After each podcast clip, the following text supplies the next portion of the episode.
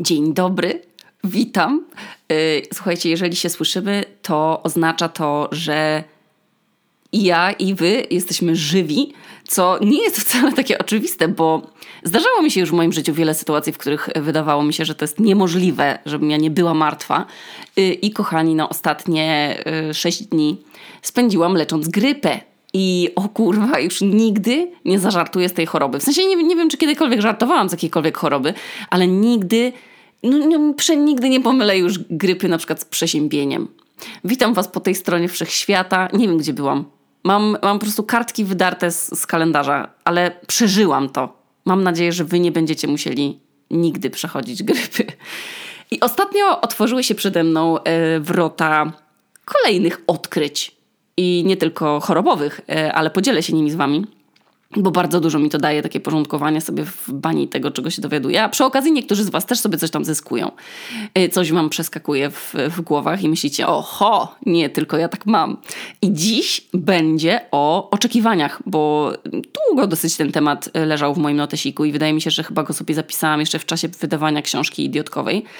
Yy, ale tak leżał i leżał i później wracał jak bumerang wiele razy, nie tylko w życiu po prostu, ale też na terapii, no bo to jest duży temat przecież oczekiwania i można go gryźć na wiele sposobów. Yy, ja już w sumie to mam wrażenie, że już jestem kurwa prawie szczerbata od gryzienia tematu oczekiwań. Yy, już mam, przysięgam, już mam resztki sił na rozkminianie tego i rozkładanie na czynniki pierwsze. No przecież o oczekiwaniach względem siebie i innych to jest już z tysiąc książek, nie? I z tysiąc wykładów na TEDzie i w ogóle rozmów na terapiach. I nie, wiem, że nie jestem odosobniona, bo oczekiwania to jest po prostu wielki skurwesyn, no. To, to temat na zupełnie chyba odrębny podcast, ale, ale ja go nie założę. Ale od początku. Przyłapałam się ostatnio na, na takim myśleniu o tym, że nadal, nadal a za miesiąc kończę 30 lat. Bardzo chciałabym spełniać oczekiwania wszystkich ludzi dookoła mnie i miało to związek z mega miłym w ogóle spotkaniem. E, miłym, ale też jednocześnie stresującym, o którym Wam e, teraz opowiem. Jakiś czas temu Odezwała się do mnie y, mama takiej pewnej nastolatki, która się zasłuchuje w moich podcastach i jest chyba największą słuchaczką, y, jaka istnieje, największą fanką. I że chodzi się kąpać z moimi podcastami uczy się z nimi i na pewno tego teraz słucha. Y, wiecie, biega sobie z nimi. No jest, jest to po prostu świetna dwunastolatka, która, która chłonie idiotki i nie tylko każdą komórką ciała. I bardzo mnie wzruszyła historia genezy tej fascynacji, ale nie będę wam jej opowiadać, bo jest prywatna. W każdym razie, jako że ta mama tej dziewczynki postanowiła zabrać ją na ferie do, do Reykjaviku e, i przyjechały tutaj całą rodziną, no to zapytała, czy nie chciałabym się spotkać z tą Zosią i postanowiłam to zrobić. I zabrać Zosię na Flyover Iceland i na kakao i było, słuchajcie, super. To było tak miłe spotkanie, tak luźne i w ogóle tak przyjemne. Serio miło czuć, że wasze towarzystwo tak bardzo no, komuś pasuje i że, że ktoś jest serio szczerze szczęśliwy, że spędza z wami czas. Nie, żeby Amadeusz mi tego nie dawał, ale, ale wiecie, my jesteśmy razem 8 lat, już no, nie podskakujemy z radości na myśl o wyjściu razem na kawę. E, no w każdym razie rano, tuż przed tym spotkaniem, jak wkładałam buty, to zaczął mnie boleć brzuch. I pomyślałam sobie wtedy, o kurwa, a co jeżeli ta Zosia zrobiła sobie jakiś, wiecie, mój taki obraz, ma jakąś taką o mnie fantazję swoją, jakieś zdanie, a ja ją zawiodę? Jak jakaś, wiecie, Majka Jeżowska, która na przykład odmówiła komuś zdjęcia jakiejś, jakiejś siedmiolatce kiedyś i ta siedmiolatka do dziś po prostu, a już ma 33 lata na przykład, ale ona do dziś przeżywa ten fakt i smutek, że ta, że ta czuła miła pani, ta ciocia Jeżowska miała na przykład gorszy dzień. I jechałam na to spotkanie wiedząc, że Zosia nawet się mnie nie spodziewa, nie? Że, że ona nie wie, że jej mama zorganizowała jej taką niespodziankę i to spotkanie ze mną. I bolą mnie brzuch, że co jak ja jej zawiodę oczekiwanie jej. To, to jak ci wszyscy ludzie, co w internecie piszą, o, widziałem kiedyś Dodę na żywo, i ona się wcale tak nie śmieje jak w wywiadach, nie? Albo tam ludzie są rozczarowani faktem, że na przykład postać, którą gra aktor, to nie jest ta sama osoba w rzeczywistości, tylko że aktor gra jakąś postać. I tak jechałam na to spotkanie i wyobrażałam sobie te wszystkie rzeczy, których pewnie oczekiwałabym od takiego swojego idola czy idolki podczas spotkania. I zastanawiałam się, czy mogę je spełnić w jakikolwiek sposób. I z tego samego powodu stresowałam się wtedy tą galą Empiku, no bo nigdy wcześniej po prostu tego nie robiłam. Nie mówiłam na żywo w telewizji, nie udzielałam wywiadów na żywo, a przecież jestem podcasterką, więc ludzie mają prawo oczekiwać ode mnie, że będę się płynnie wypowiadać i, i wiecie, i płynnie odpowiadać na pytania i, i rzucać zabawnym żartem słownym albo jakieś tam inne fikumiku, że będę robić. I to dostarczanie przecież ludziom rozrywki jest moją pracą, za to mi przecież zapłacono.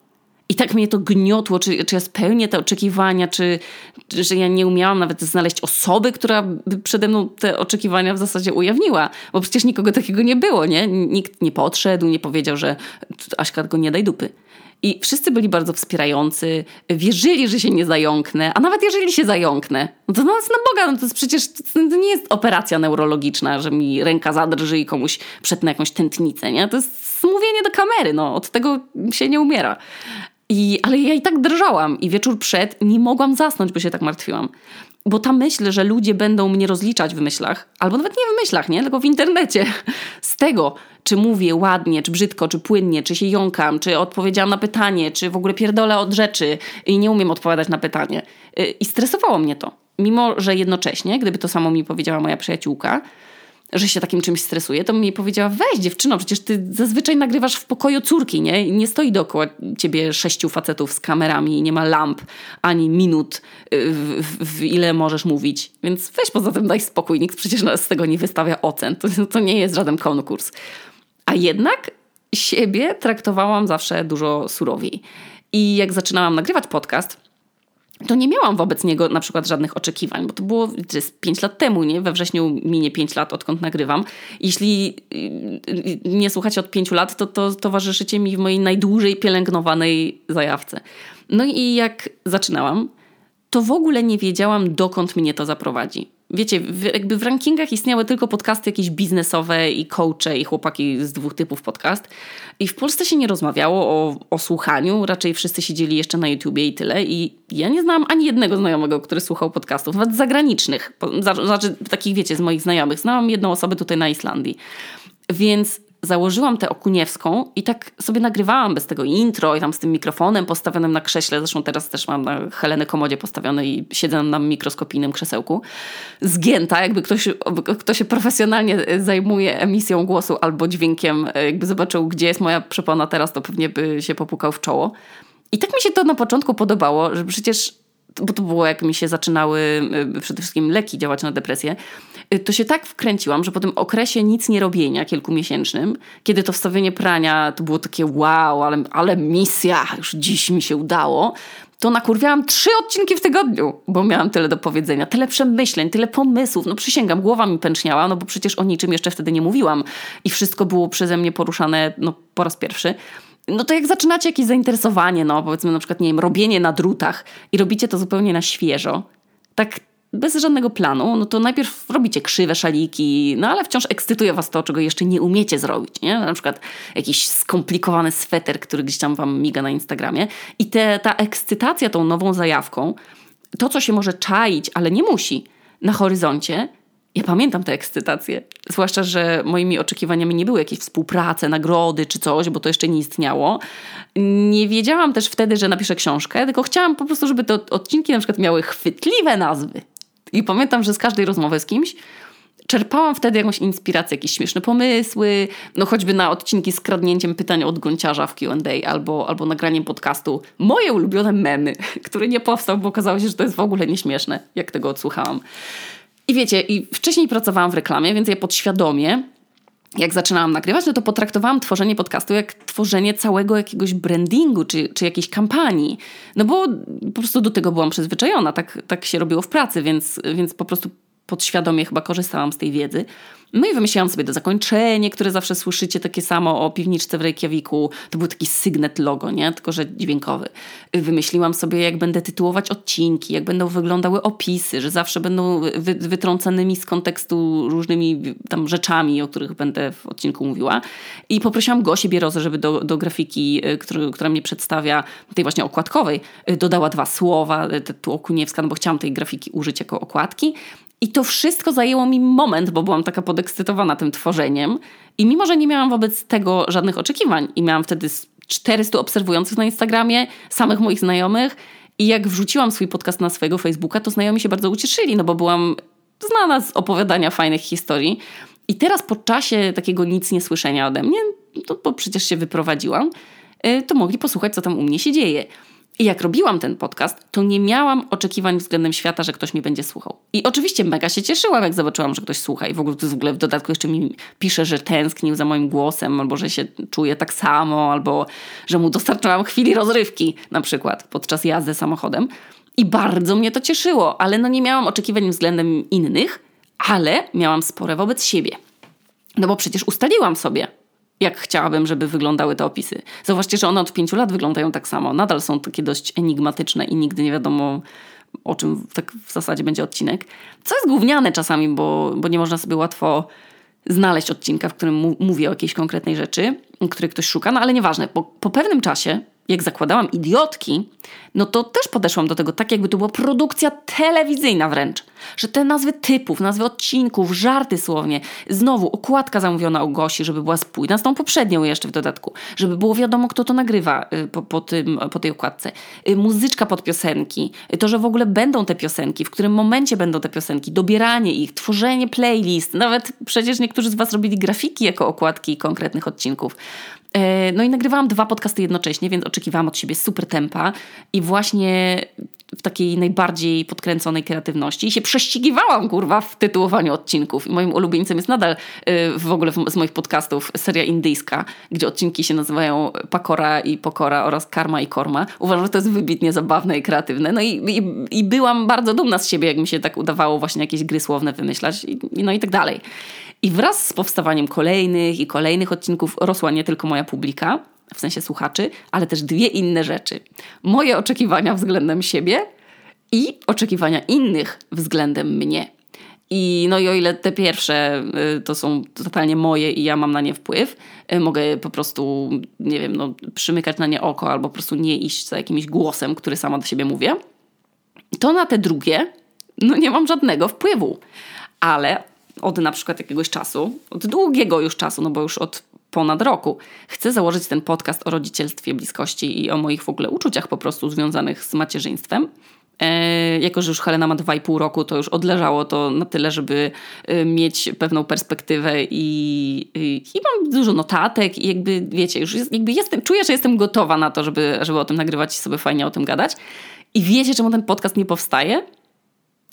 Bo mam wobec siebie tak ogromne oczekiwania, że ten podcast, żeby on był przemyślany, żeby miał to coś, ale żeby miał właśnie coś charakterystycznego, tak jak ten, ten podcast, ostatnie zdanie i opisy, a idiotki warstwę słowną i piosenki. Żeby wiecie, żeby miał coś, czego jeszcze nie robiłam, ale najlepiej, żeby też nikt inny tego nie zrobił wcześniej.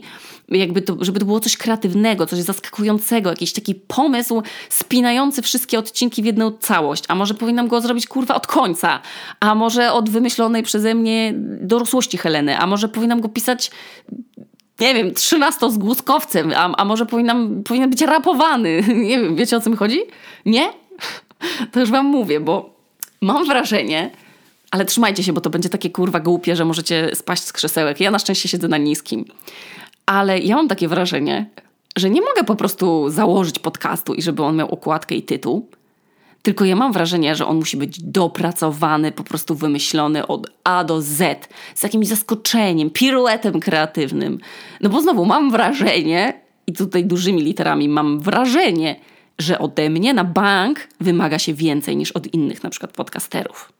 I że gdybym po prostu zrobiła coś słabszego to w swoich oczach niż te dwa pozostałe podcasty, to bym, nie wiem, została zesłana do więzienia za, nie wiem, pójście na łatwiznę. Więzienia dla leni, więzienia dla ludzi robiących rzeczy na odpierdol. I słuchajcie, uprzedzę pytania. Takie więzienie istnieje tylko w mojej wyobraźni. I, i to więzienie, wiecie, ja mam po prostu kodeks oczekiwań. I w tym kodeksie są zapisane różne wykroczenia i kary za te wykroczenia. I ja obserwuję rzeczywistość, patrząc przez te swoje okulary.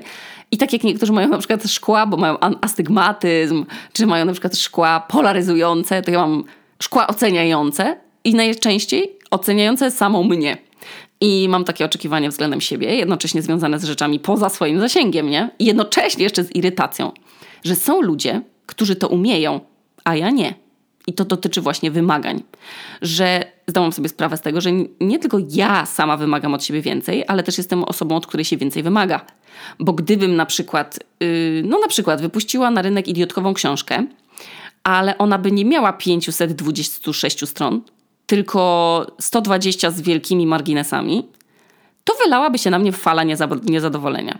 I usłyszałabym, że sobie skaczę na czyjąś kasę, że okunieska zarabia na naiwności fanek, że poszłam po prostu po linii najmniejszego oporu, że sprzedałam gówno w złotym papierku. Wiecie, a są na przykład influencerzy, którzy na przykład wypuszczają swoje płatki śniadaniowe albo gadżety takie z Chin, po prostu z nałożonym jakimś tam swoim logo. I ja czuję świadomość, już poza faktem, że sama nie chciałabym tego robić, nie? To czuję, że ja, że ja bym po prostu nie, nie mogłabym, ale jakby, żeby mi nie pozwolono na to, że ode mnie się po prostu wymaga więcej śmieszniej, ładniej, mądrzej i że czasem czuję, że nie mogę sobie na coś pozwolić, czy tam powiedzieć czegoś, na przykład zabrać głosu w jakiejś sprawie, bo ktoś mnie po prostu tam rozpierdoli.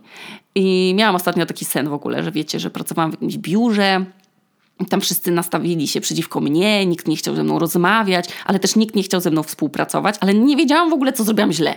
W sensie nikt mi nie powiedział za co zostałam skancelowana. I obudziłam się po prostu totalnie zapocona. Yy, jak szczur po prostu pływający w kanale. Tylko, że ja pływałam w kanałach jakichś oczekiwań wysokich, które sobie sama zbudowałam, z takiej myśli, że żeby dostać docenionym, zauważonym, trzeba zasłużyć na pochwałę. Ale wiecie, jednocześnie życie nie wyposażyło nas jeszcze w taką instrukcję, manual o tym, co trzeba zrobić, jakie warunki trzeba spełnić, żeby zasłużyć na miejsce w niebie albo na coś niedoścignionego, żeby na przykład nas wszyscy lubili. I możemy sobie włożyć w głowę aureolę i możemy, kurwa, założyć wielką orkiestrę świątecznej pomocy, ale po wsiaku przecież też yy, yy, ludzie yy, jebią, no.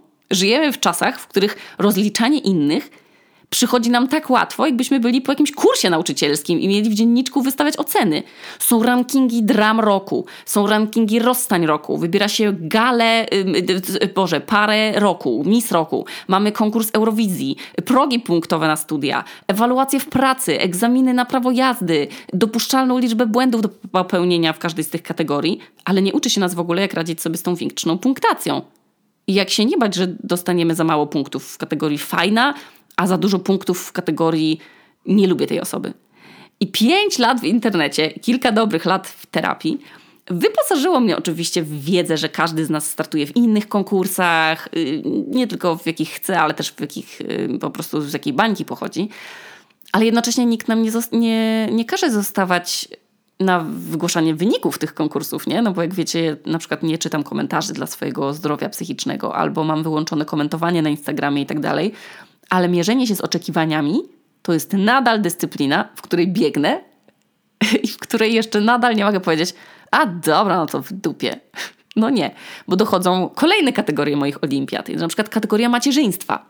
Jak zaszłam w ciążę, no to oczekiwałam od siebie, że będę mamą, która będzie zawsze cierpliwa, moje dziecko do trzeciego roku życia nie obejrzy żadnej bajki, bo ja zawsze się będę z nim y, z dużą chęcią bawić, nigdy nie będę w ogóle, wiecie, zmęczona. A jak już obejrzę jakąś bajkę, to w ogóle od razu oscarową i po mandaryńsku. I że moje dziecko nie będzie jadło słodyczy żadnych, ani nie będzie widziało mamy za często z telefonem, że, że nigdy nie warknę na Helenkę, że codziennie będę spędzać z nią czas pełna ciekawości rozwijającej się osobowości, że nigdy się nie będę czuła znudzona tymi samymi pytaniami albo zabawami i że zawsze się będzie czuła zauważona. Mam to szczęście, że życie z Heleną jest dosyć proste i ona naprawdę łatwo kuma moje prośby, jest ugodowa, ale są dni, na przykład jak jesteśmy chore, kiedy mam ochotę się jebnąć z nią w łóżku i cały Boży dzień oglądać Bluey. Ale mam wobec siebie tak wysokie oczekiwania i wymagania, że, je, że je tego nie zrobię bo to już jest po prostu krok od uzależnienia od ekranu, opóźnienie mowy, wybuchy złości maluszka i że przecież to ja w tym czasie powinnam z nią przerzucać groch przez sitko, albo powinna segregować kolorami pomponiki, albo się, nie wiem, kurwa, ułamków się dla dwulatków uczyć. Żartuję, mam nadzieję, że to nie istnieje w ogóle. Ale na przykład, że wożenie w foteliku przodem.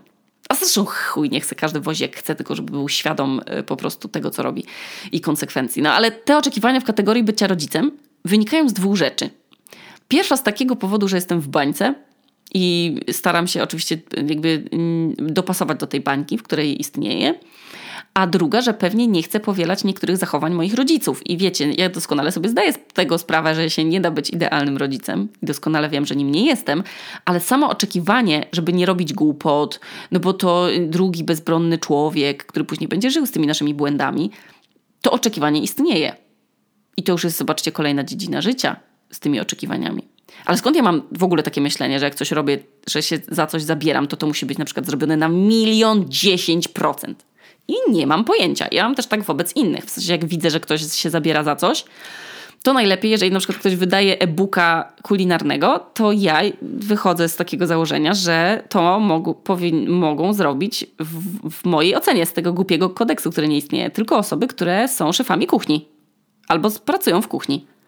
Nie, nie mogłabym tak sobie ja po prostu wydać e-booka. Bo wiedziałabym, że nie jestem ekspertem w jakiejś kategorii, żeby robić o nim e-booka.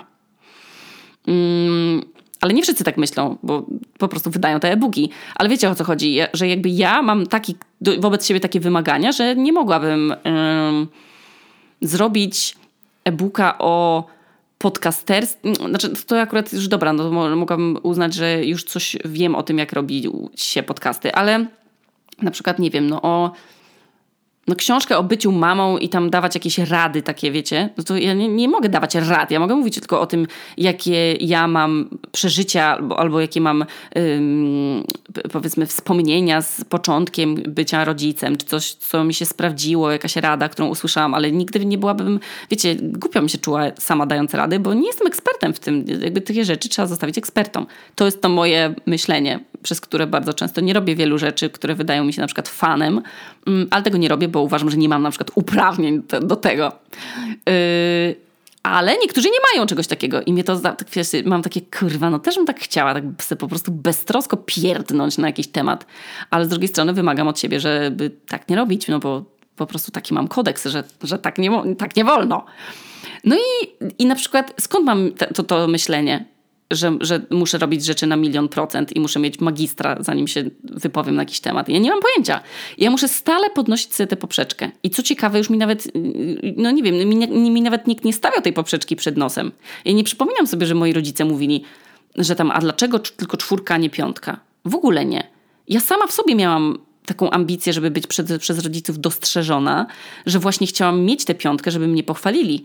A moi rodzice mnie rzadko chwalili. Może właśnie dlatego, że się kiedyś mówiło, że tak się wychowuje egocentryków, albo że się rozbestwia dzieci, jeżeli się poczują zbyt pewnie. I wiecie, teraz jest tak, że też się mówi, że się nie powinno chwalić dzieci, bo to zabija motywację wewnętrzną i wtedy dzieci robią tylko rzeczy dla pochwał. Ale nie wiem, czy to jest prawda. Ja Helenę chwalę, no bo wiem, jak mi było przykro, jak mnie nie chwalono. Więc teraz mówię jej, że wow, Helena, co za piękny rysunek. I mówię, że jest piękny. Ale pytam się też, powiesz mi, o czym jest ten rysunek. W każdym razie, jako że chciałam ocenami zasłużyć na dostrzeżenie przez rodziców, ale rzadko te pochwały też słyszałam, to zakodowało mi się w bani, że w takim razie poprzeczka zadowolenia innych, ale też poprzeczka zadowolenia siebie leży gdzieś zajebiście wysoko. Że po prostu jest nieosiągalne to poczucie satysfakcji. Absolutnie zawsze się znajdzie coś, co można jeszcze poprawić, co by mogło być lepsze. Jak napisałam książkę, to 300 stron to było za mało. Musiało być 400. A jak napisałam na 400, to nadal było za mało i nadal miałam tyle do powiedzenia, że w końcu wyszło te 500 ileś tam. I ostatnio zaczęła ją czytać moja siostra i napisała mi, Aśka, napisałaś zajebistą książkę. I słuchajcie, aż zamarłam, bo usłyszałam pochwałę. Zostałam dostrzeżona przez członka mojego, mojej rodziny, przez swoją siostrę. Nawet się trochę zawstydziłam. I było to niezwykle miłe, bo, bo nie byłam do tego w ogóle przyzwyczajona. I tę poprzeczkę, którą nad sobą stawiałam, przed sobą, ciężko było przeskakiwać. W zasadzie na początku to ona była tak na wysokości pasa, no więc było trudno, ale wiecie, tak jeszcze jakoś przeskakiwałam.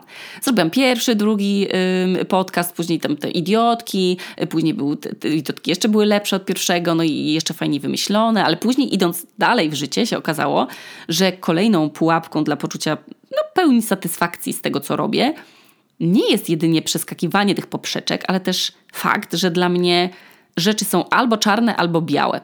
Nie ma w ogóle odcieni szarości. Albo coś jest wybitne, albo zjebane. I nie mówię tu o życiu, bo ja sobie świetnie radzę w średniości, tylko o rzeczach, które robię. Jakieś, wiecie, jeśli chodzi o coś, co się robi, z czego korzystają inni ludzie, to jestem absolutnie twoim, swoim własnym tyranem. Ja sobie nie daję prawa na zrobienie czegoś łatwo. Musi być trudno, musi być wymyślone, musi być przekombinowane.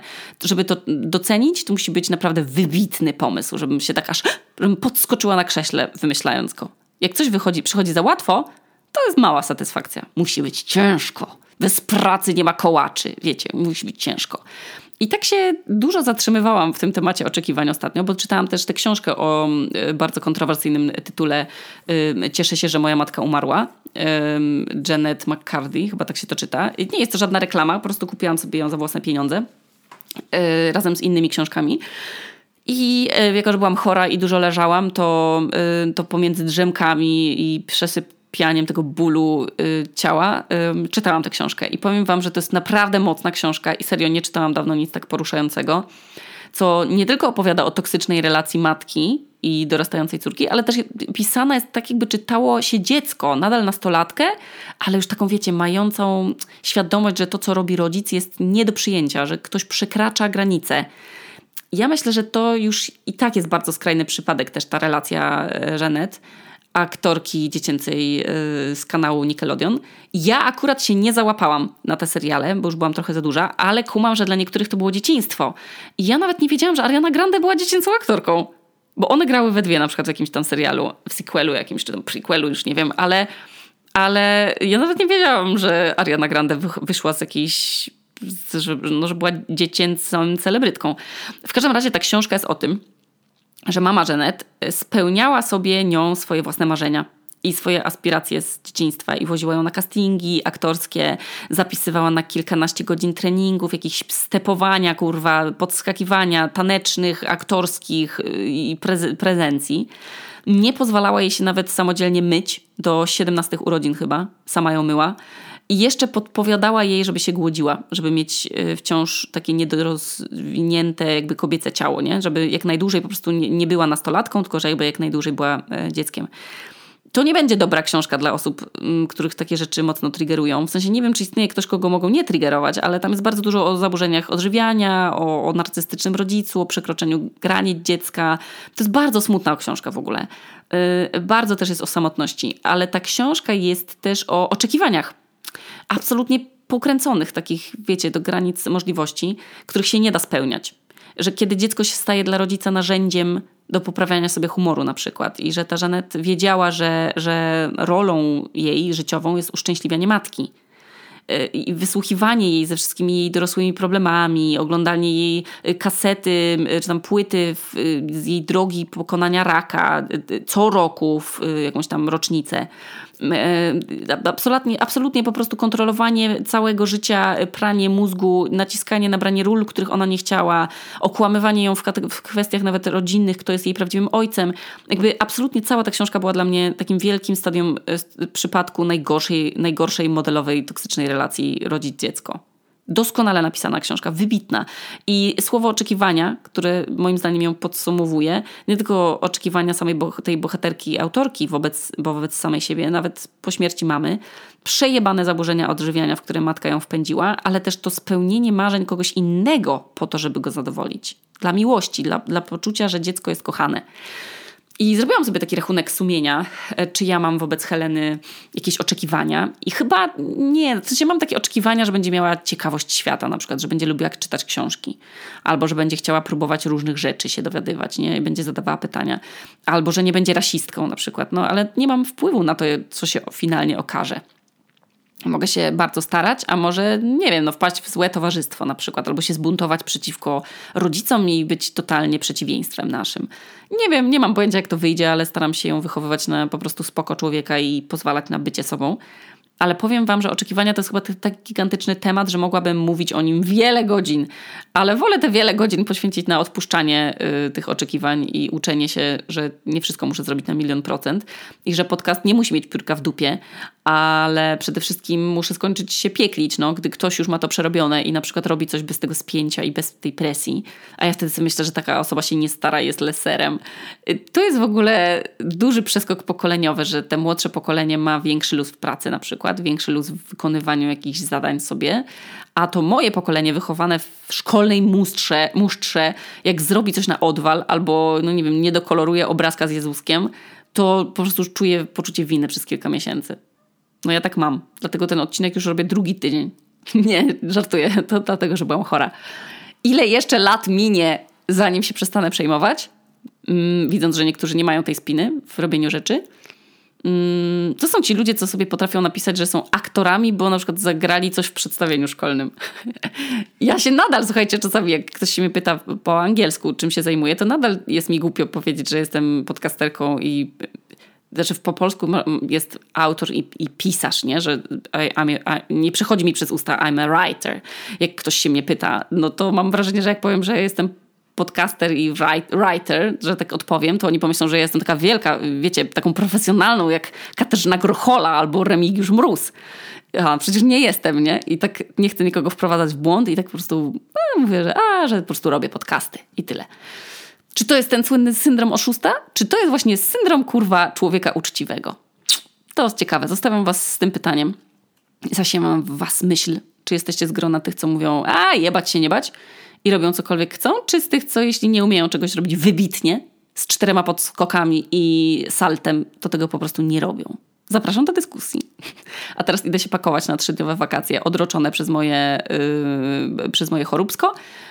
Mm, I życzę Wam y, miłych nadchodzących dni. Mam nadzieję, że u Was, tak jak w Reykjaviku, już świeci słońce i jest. Znaczy, u nas jest, słuchajcie, super y, piękna pogoda. Świeci słońce, są przebiśniegi i krokusy, ale jest minus 10, odczuwalne minus 18. Więc jak siedziałam teraz tutaj przy tym Heleny y, biureczku, przy tej szafeczce, to cała się trzęsłam z zimna. Mam nadzieję, że tego nie słychać. No, tu Okuniewska z nadpiwniczki w Reykjaviku, a to był odcinek o oczekiwaniach.